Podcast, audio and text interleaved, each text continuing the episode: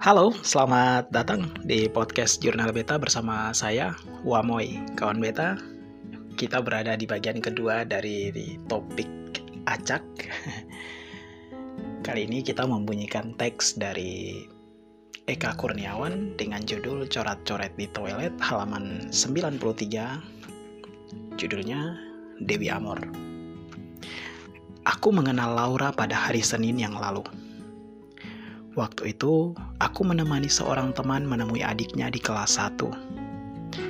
Dan sang adik tengah berbicara dengan Laura. Ketika ia kami temukan. Saat pertama itu saja sudah begitu tertegun. Betapa cantiknya ia. Begitu pendiam, bicara hanya sepatah dua patah. Seolah seluruh hidupnya diliputi satu misteri. Ingin sekali aku mengajaknya berbicara.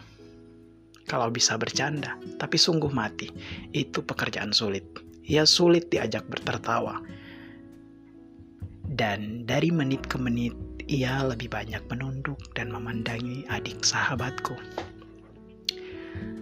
Saat itu sudah siang, matahari sudah begitu sangat terik. Sebagaimana seharusnya di negeri kita yang tropis ini, Ketika bel berbunyi yang menandakan jam istirahat sudah habis, aku dan sahabatku masuk kelas. Di tengah udara panas seperti ini, dua jam pelajaran ke depan sungguh-sungguh merupakan saat penuh godaan untuk jatuh tertidur di atas meja. Aku tidak mengantuk, sebagaimana biasa. Anganku telah sepenuhnya meleset kepada sosok pemilik wajah cantik itu. Aku teringat rambut hitamnya yang dipotong pendek sebahu, meliuk bak air yang jatuh, dan matanya yang sesekali kuintip, begitu sayu dan teduh, dengan alis mata yang menerawang tipis. Ketika kami tertawa, ia cuma tersenyum sedikit. Sedikit saja, seolah ia cuma menggeser garis bibirnya ke samping.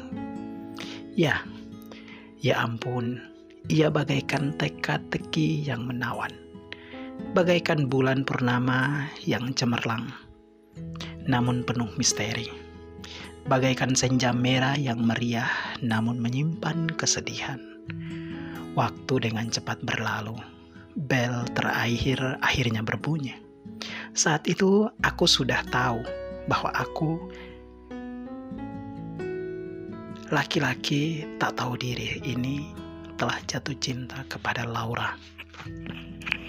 Perasaan ini sungguh-sungguh membuat kekacauan luar biasa. Sepanjang sore itu segalanya terasa serba salah. Jantungku berdebar-debar tak kunjung henti. Dan aku begitu inginnya hari segera menjadi malam dan malam menjadi pagi. Aku ingin segera berada di sekolah dan berjumpa dengan si cantik itu. Berkali-kali aku mendapati diriku sendiri tengah duduk menyendiri. Di kamar, beranda, toilet, dapur, di mana saja. Kubayangkan suatu hari Laura sungguh-sungguh menjadi kekasihku. Aku ingin berjalan berdua bersamanya, Mungkin di suatu malam minggu dengan tangan bergandengan. Tangan dan kaki telanjang terbenam ke pasir basah di pantai. Kami akan kelelahan dan berhenti. Membeli es krim, lalu menikmati hujan bintang yang gegap gempita. Atau mungkin kami pergi ke bioskop. Aku ingin mendekapnya dan membiarkan kepalanya jatuh di bahuku. Dari semua kemungkinan itu, yang paling kuinginkan adalah duduk berdua dengan dia di suatu malam. Ditemani sebatang lilin, kami makan kue tar, atau mungkin dalam rangka perayaan ulang tahun atau bahkan hari bukan ulang tahun. Serta diiringi lagu-lagu Elton John dari Tab.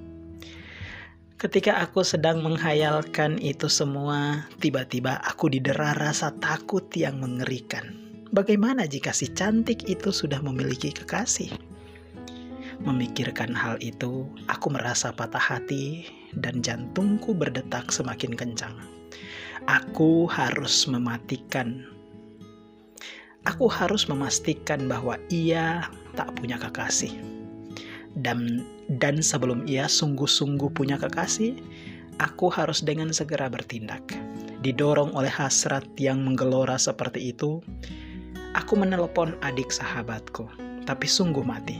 Ternyata aku tak berani menanyakan soal Laura kepadanya. Aku tak ingin orang lain tahu isi hatiku. Dan dengan putus asa, aku hanya bilang, salah sambung. Tanpa memberi kesempatan, adik sahabatku bertanya lebih banyak. Buat teman-teman yang penasaran dengan cerita selanjutnya, teman-teman bisa membacakan buku ini. Teman-teman bisa dengan mudah mendapatkan buku ini, terlepas daripada isu pernah dijegal buku ini. yang penting adalah buku ini masih bisa dibeli kok di mana saja, di toko buku, di online. Udah gampang sekarang kita bisa mendapatkan buku ini. Cerita ini sangat menarik sekali dan sampai di situ. Thank you for listening and see you next time again.